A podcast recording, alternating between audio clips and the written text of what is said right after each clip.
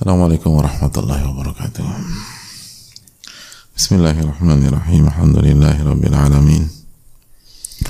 وبه نستعين على أمور الدنيا والدين. والصلاة والسلام على أشرف الأنبياء والمرسلين. وعلى آله وصحبه ومن سار على نهجه بإحسان إلى يوم الدين وبعد. Hadirin Allah muliakan Alhamdulillah kita kembali dipertemukan oleh Allah Tabaraka Ta'ala. Langkah kita dimudahkan oleh Allah Subhanahu wa Ta'ala. Untuk uh, meningkatkan ilmu dan meningkatkan iman kita. Untuk bertemu kembali dengan Riyadus Salihin. Buku yang sangat fenomenal dan dijadikan wasilah oleh para ulama, dijadikan sarana oleh para ulama untuk mendidik, mentarbiah dan membangun imannya umat. buku yang terbukti merubah bukan satu dua orang, bukan puluhan orang, bukan ratusan orang, bukan ribuan orang, bahkan jutaan mungkin miliaran orang semenjak buku ini ditulis dan itu dalil yang sangat jelas. Bahwa buku ini memang punya kedudukan yang tinggi. Dan sebuah keberuntungan kita bisa menjadi bagian dari perjalanan buku ini. Dan semoga Allah memberikan hidayah kepada kita sehingga kita bisa mengejawantahkan apa yang di dimaktubkan atau apa yang ada dalam buku ini dari firman-firman Allah dan hadis-hadis Nabi kita alaihi salatu wassalam karena uh, ilmu bukan hanya menyampaikan laisal ilmu bikatrati riwayah wa innamal ilmu khasyah ilmu bukan hanya banyak meriwayatkan banyak menyampaikan tapi ilmu adalah rasa takut kepada Allah Tabaraka wa Ta'ala. Semoga senantiasa kita memiliki rasa takut dan rasa takut kita bertambah. Sehingga itu membuat kita berhenti di hadapan hal-hal yang Allah haramkan. Apa-apa yang Allah benci. Dan kalau kita khilaf kita segera beristighfar dan bertobat kepada Allah Subhanahu wa taala. Dan kita berusaha mengerjakan perintah dan apa yang Allah cintai. Hadirin Allah muliakan. Sebagaimana salawat beriring salam semoga senantiasa tercurahkan kepada Rasulullah alaihi salatu wassalam beserta para keluarga, para sahabat dan orang-orang yang istiqomah berjalan di bawah naungan sunnah beliau sampai hari kiamat kelak. Uh, kita berada di penghujung bab durhaka kepada orang tua dan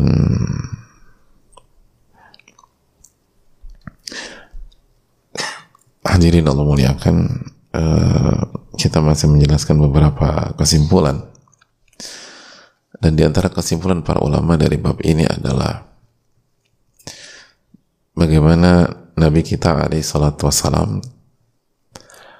mendidik kita untuk uh, menjauhi pola mencela, mencaci, memaki orang lain.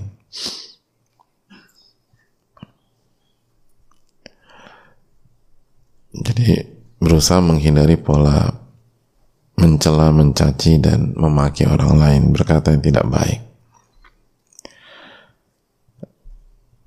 Ini ditekankan oleh uh, para ulama ketika membahas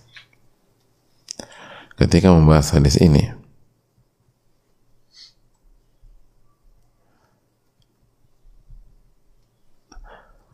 Di antara dalil yang digunakan oleh para ulama dalam bab ini adalah uh, hadis uh, Abdullah bin Amr bin As ketika Nabi kita alaihi salatu wassalam menyampaikan minal kabair syatmur rajuli walidayh. Di antara dosa-dosa besar adalah seseorang mencela kedua orang tuanya. Mencaci kedua orang tuanya. Lalu para sahabat kaget para sahabat shock emang ada orang yang mencaci maki orang tua? Ya Rasulullah wa hal yashtumur rajul walidayh? Ya Rasulullah emangnya ada orang yang mencaci maki orang tuanya? Qala na'am ada yasubbu abar rajuli fayasubbu abahu gambarannya adalah seseorang mencela orang tua temannya, orang tua pihak lain, orang tua sahabatnya, orang tua orang tua siapa lagi? Orang tua musuhnya, terus orang tua siapa lagi? Kalau orang tua adiknya gimana? Ya sama aja itu. Bapak lu tuh bapak gua kan bapak lu juga. Oh iya benar juga ya. Nah itu nggak masuk poin kita. Jadi orang tuh mencela teman eh, orang tua temannya atau orang tua musuhnya orang tua teman sekolah atau lalu orang ini marah dia cela orang tua kita. Atau dia cela orang tua si pencela. Gitu. Atau uh, dia mencela ibunya akhirnya orang ini marah tersinggung dia cela balik lah. Ibu si pencela. Ibu si pencela. Nah itu dikategorikan oleh Rasulullah SAW mencela orang tua sendiri. Mencela orang tua sendiri.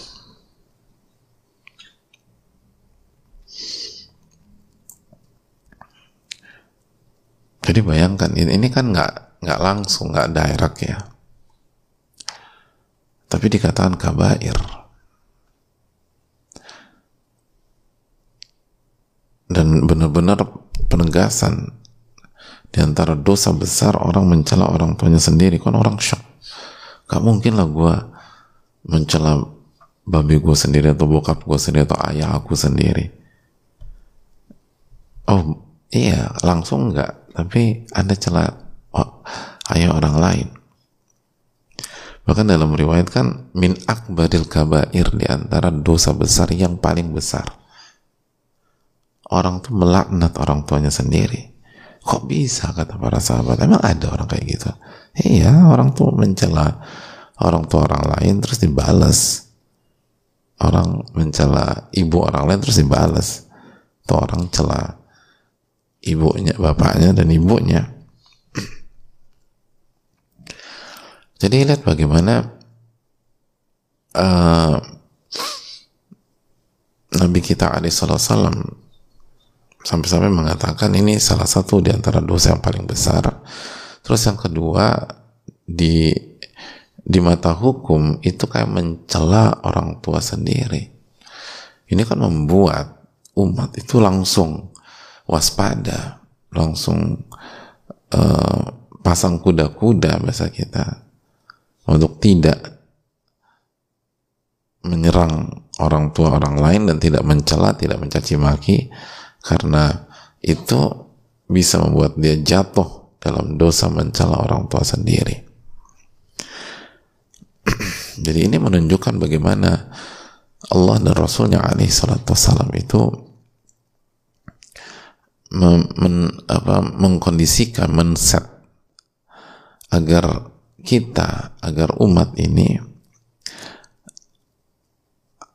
agar masyarakat benar-benar pasang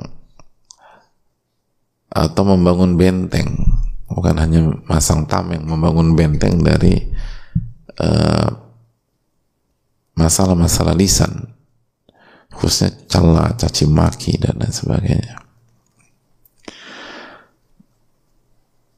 dan walaupun dia tidak bermaksud menyerang orang tuanya tapi dengan cara demikian dia dihukumi menyerang orang tuanya sendiri.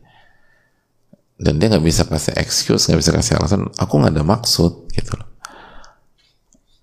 Aku nggak ada niat aku kan punya masalah sama dia. Oh enggak anda celah orang tuanya dia celah balik orang tua anda anda kena dosa besar mencela dan memaki orang tua anda sendiri. Jadi ini hal yang penting dan hal yang besar.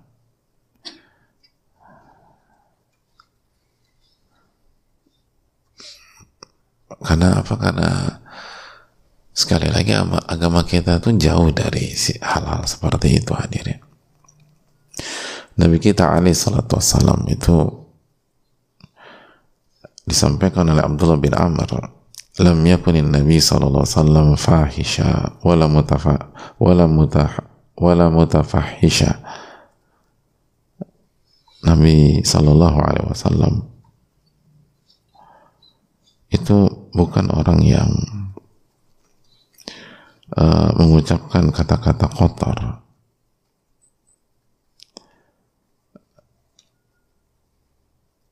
Jadi bukan orang yang seperti itu. Wa kana yaqul inna min khiyarikum ahsanakum akhlaqo. Dan Nabi SAW itu menyampaikan sesungguhnya di antara orang-orang terbaik di antara itu yang akhlaknya paling baik. Dan kita juga dapat info dari Anas bin Malik radhiyallahu taala anhu bahwa Nabi kita sallallahu alaihi wasallam itu lam yakun Nabi sallallahu alaihi wasallam sababa. Nabi SAW itu bukan orang yang suka mencela. Wala fahasha dan bukan orang yang mengucapkan kata-kata keji, kotor.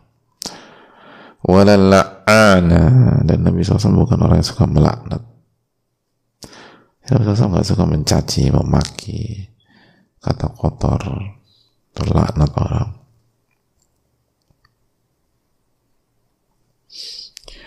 Jadi hadirin Allah muliakan. Itu Nabi kita alaihi salatu wassalam. Dan kita diperintahkan meneladani beliau.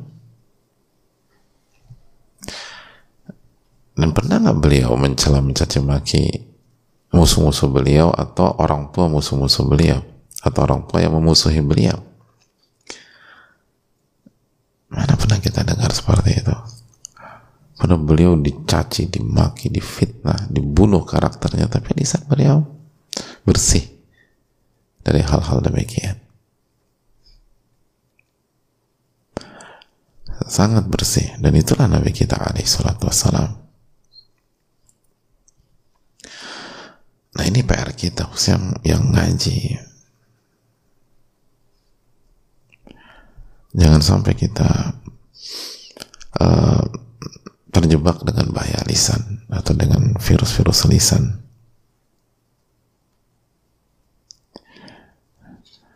Karena itu sangat berbahaya dan sangat menakutkan.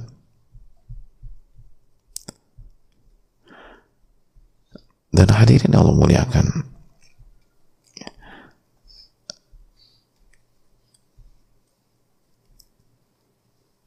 Justru hadirin, justru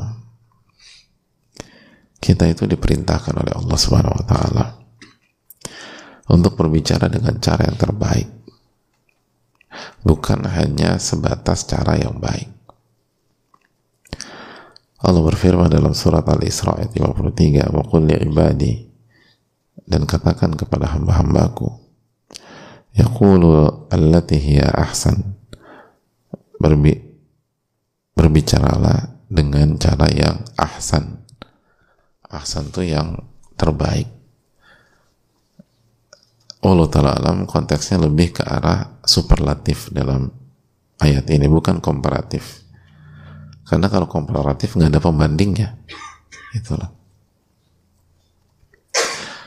Dan superlatif dan komparatif dalam bahasa Arab itu sama pakai wazan af'al ajmal pakai pakai pola af'al ajmal ahsan. Atiap. Ngerti gak sih? Nggak ya? Ya udah nggak apa-apa. Intinya beda sama bahasa Inggris. Bahasa Inggris itu superlatif komparatif kan beda gitu loh. Kalau komparatif misalnya belakangnya ER kalau superlatif EST jadi gampang dibedain kalau bahasa Arab polanya pola katanya sama. Lihatnya dari konteks. Gitu nah,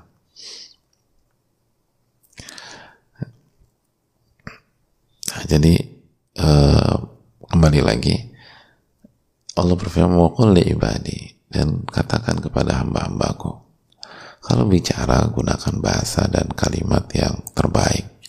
Kenapa? Inna syaitana yanzagu bainahum syaitan itu senantiasa membuat permusuhan di antara kalian membuat perselisihan syaitan tuh hobinya ngadu domba kalian Mungkin kita nggak ngomong aja bisa dia dulu domba sama syaitan kita nggak ngomong nih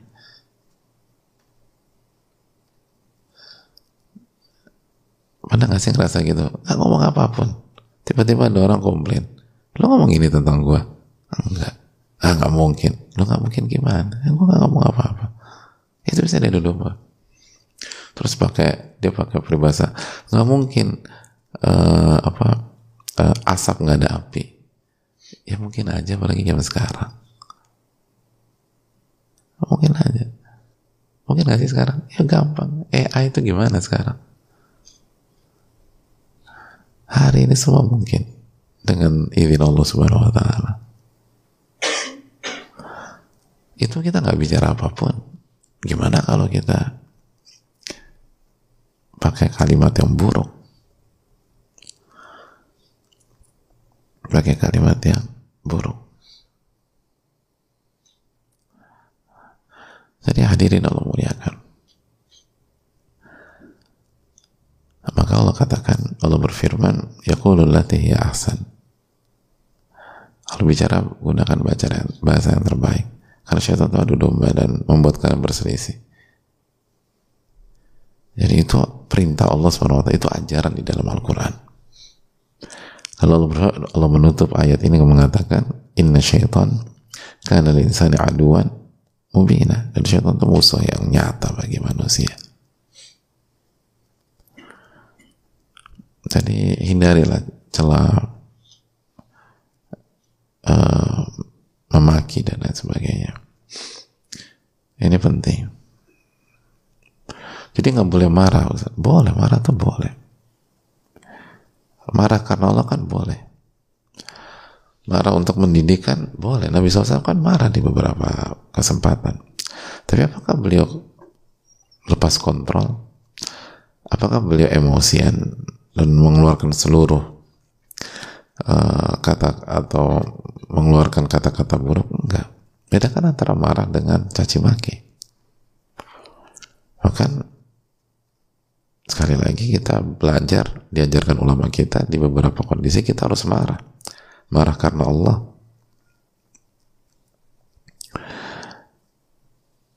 itu kan hal penting tapi bukan caci maki bukan mencela bukan dan sebagainya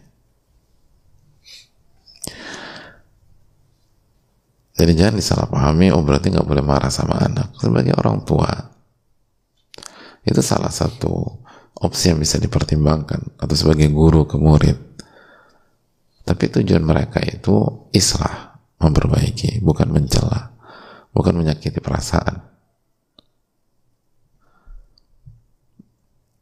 Jadi hadirin Allah muliakan Nabi kita SAW bukan orang yang suka uh, sababa bukan suka mencela. Wala fahasha atau mengucapkan kata-kata kotor. Wala la'ana dan bukan orang suka melaknat. Tapi kita ada salat sasam punya bahasa yang sangat indah. Bahkan beliau hujah dalam bahasa Arab.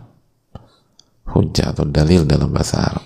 Kalau kita ingin tahu bahasa Arab kata ini baku lihat apakah Nabi SAW menggunakan kata ini atau tidak kalau Nabi SAW menggunakan kata ini maka ini bahasa Arab yang baku karena Nabi SAW nggak mungkin pakai bahasa yang rancu.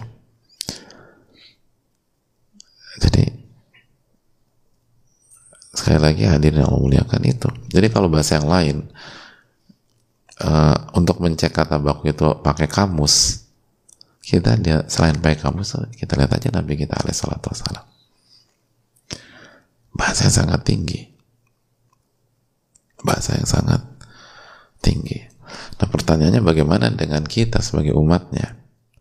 Bagaimana dengan kita sebagai uh, orang-orang menjadikan beliau teladan? Dan kita misalnya sudah berinteraksi dengan beliau 300-an hadis misalnya dalam Riyadus Salihin nah itu 300-an hadis itu ada ada apa? Ada perubahan nggak? Gitu gitulah hadirin. Atau itu tiga hadis pertemuan tuh? Kita nih pertemuan ke berapa sih?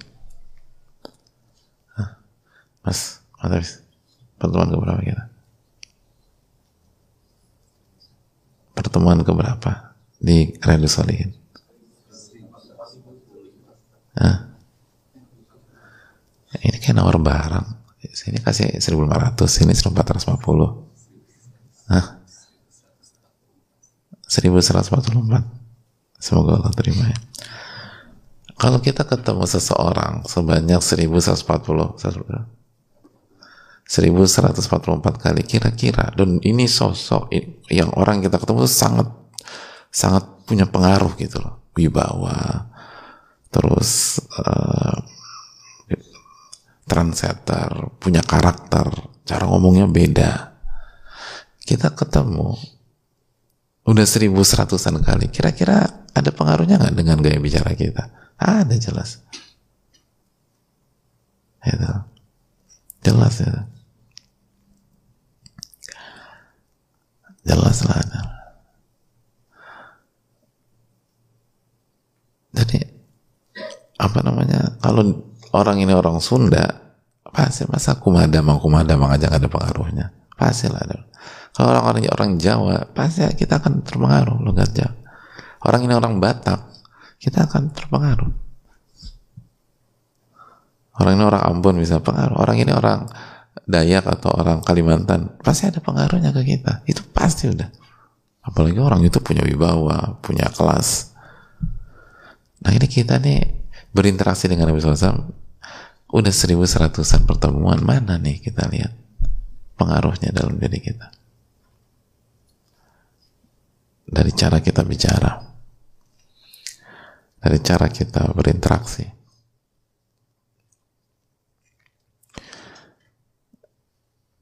Itu jelas. Anak anak kita kita tahu di sebuah lingkungan dan kita nggak usah wanti-wanti deh. Nak pelajari cara bicaranya nak ini. Itu begitu kita tahu di lingkungan selama tiga bulan ketemu tiap hari cara bicaranya udah berubah. Tanpa kita wanti-wanti harus apa kamu terus copy paste ya kamu harus ngikutin ya kamu harus nggak usah cemburin aja di situ.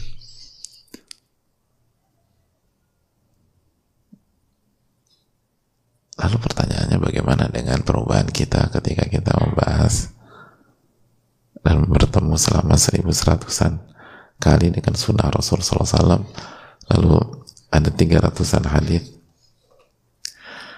ini PR besar ini evaluasi bagi kita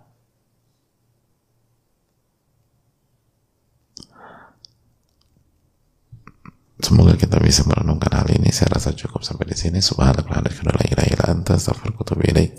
Assalamualaikum warahmatullahi wabarakatuh. Bagaimana proses produksi wakaf Al-Quran?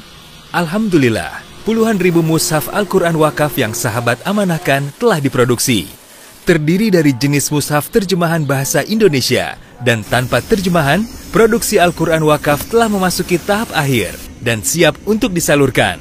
Seperti apa Al-Quran wakaf ini diproduksi hingga siap untuk didistribusikan?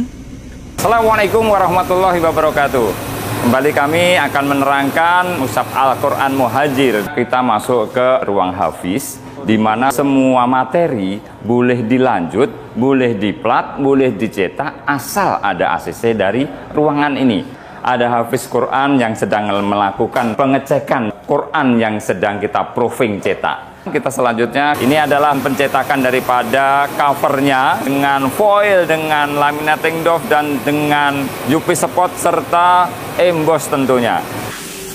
Setelah kita lakukan pencetakan, kita akan melakukan proofing di sini supaya hasil dari pencetakan itu sama ya. Kita selanjutnya membentukkan pola. Roll ini akan kita bentuk polanya sehingga nanti saat lakukan pencetakan itu akan tersambung dengan baik. Berikutnya yaitu proses cetak isi tentunya. Kita memakai kertas QPP, kertas untuk Al-Quran. Kita akan melakukan pencetakan secara keseluruhan dalam bentuk musab maupun terjemah. Baik, ini kita di output Al-Quran. Output Al-Quran sendiri setelah dari roll sudah terjadi lipatan. Ini kita lakukan langsung dari mesin, kemudian kita tinggal nanti melakukan penumpukan yang di sana. Output cetakan Quran sendiri dilakukan dengan hati-hati supaya bisa tertata dengan rapi dan semuanya diprogram sehingga tidak terjadi hal-hal yang tidak kita inginkan. Masya Allah, Insya Allah, Al-Quran Wakaf akan disalurkan kepada penuntut ilmu penghafal Al-Quran, dan muslimin lainnya di seluruh Indonesia. Masih terbuka pula kesempatan untuk berwakaf Al-Quran. Atas izin Allah, Muhajir Project Peduli menjual dan mengantarkan Al-Quran wakaf dari Anda ke para penuntut ilmu, penghafal Al-Quran, dan muslimin lainnya di Indonesia. Insya Allah, Anda juga dapat membeli mushaf tersebut untuk diri dan keluarga. Kejar tambahan berkah dengan berwakaf Al-Quran Salurkan wakaf kita melalui rekening CIMB Niaga Syariah 8600 1381 5600 atas nama Muhajir Peduli Indonesia.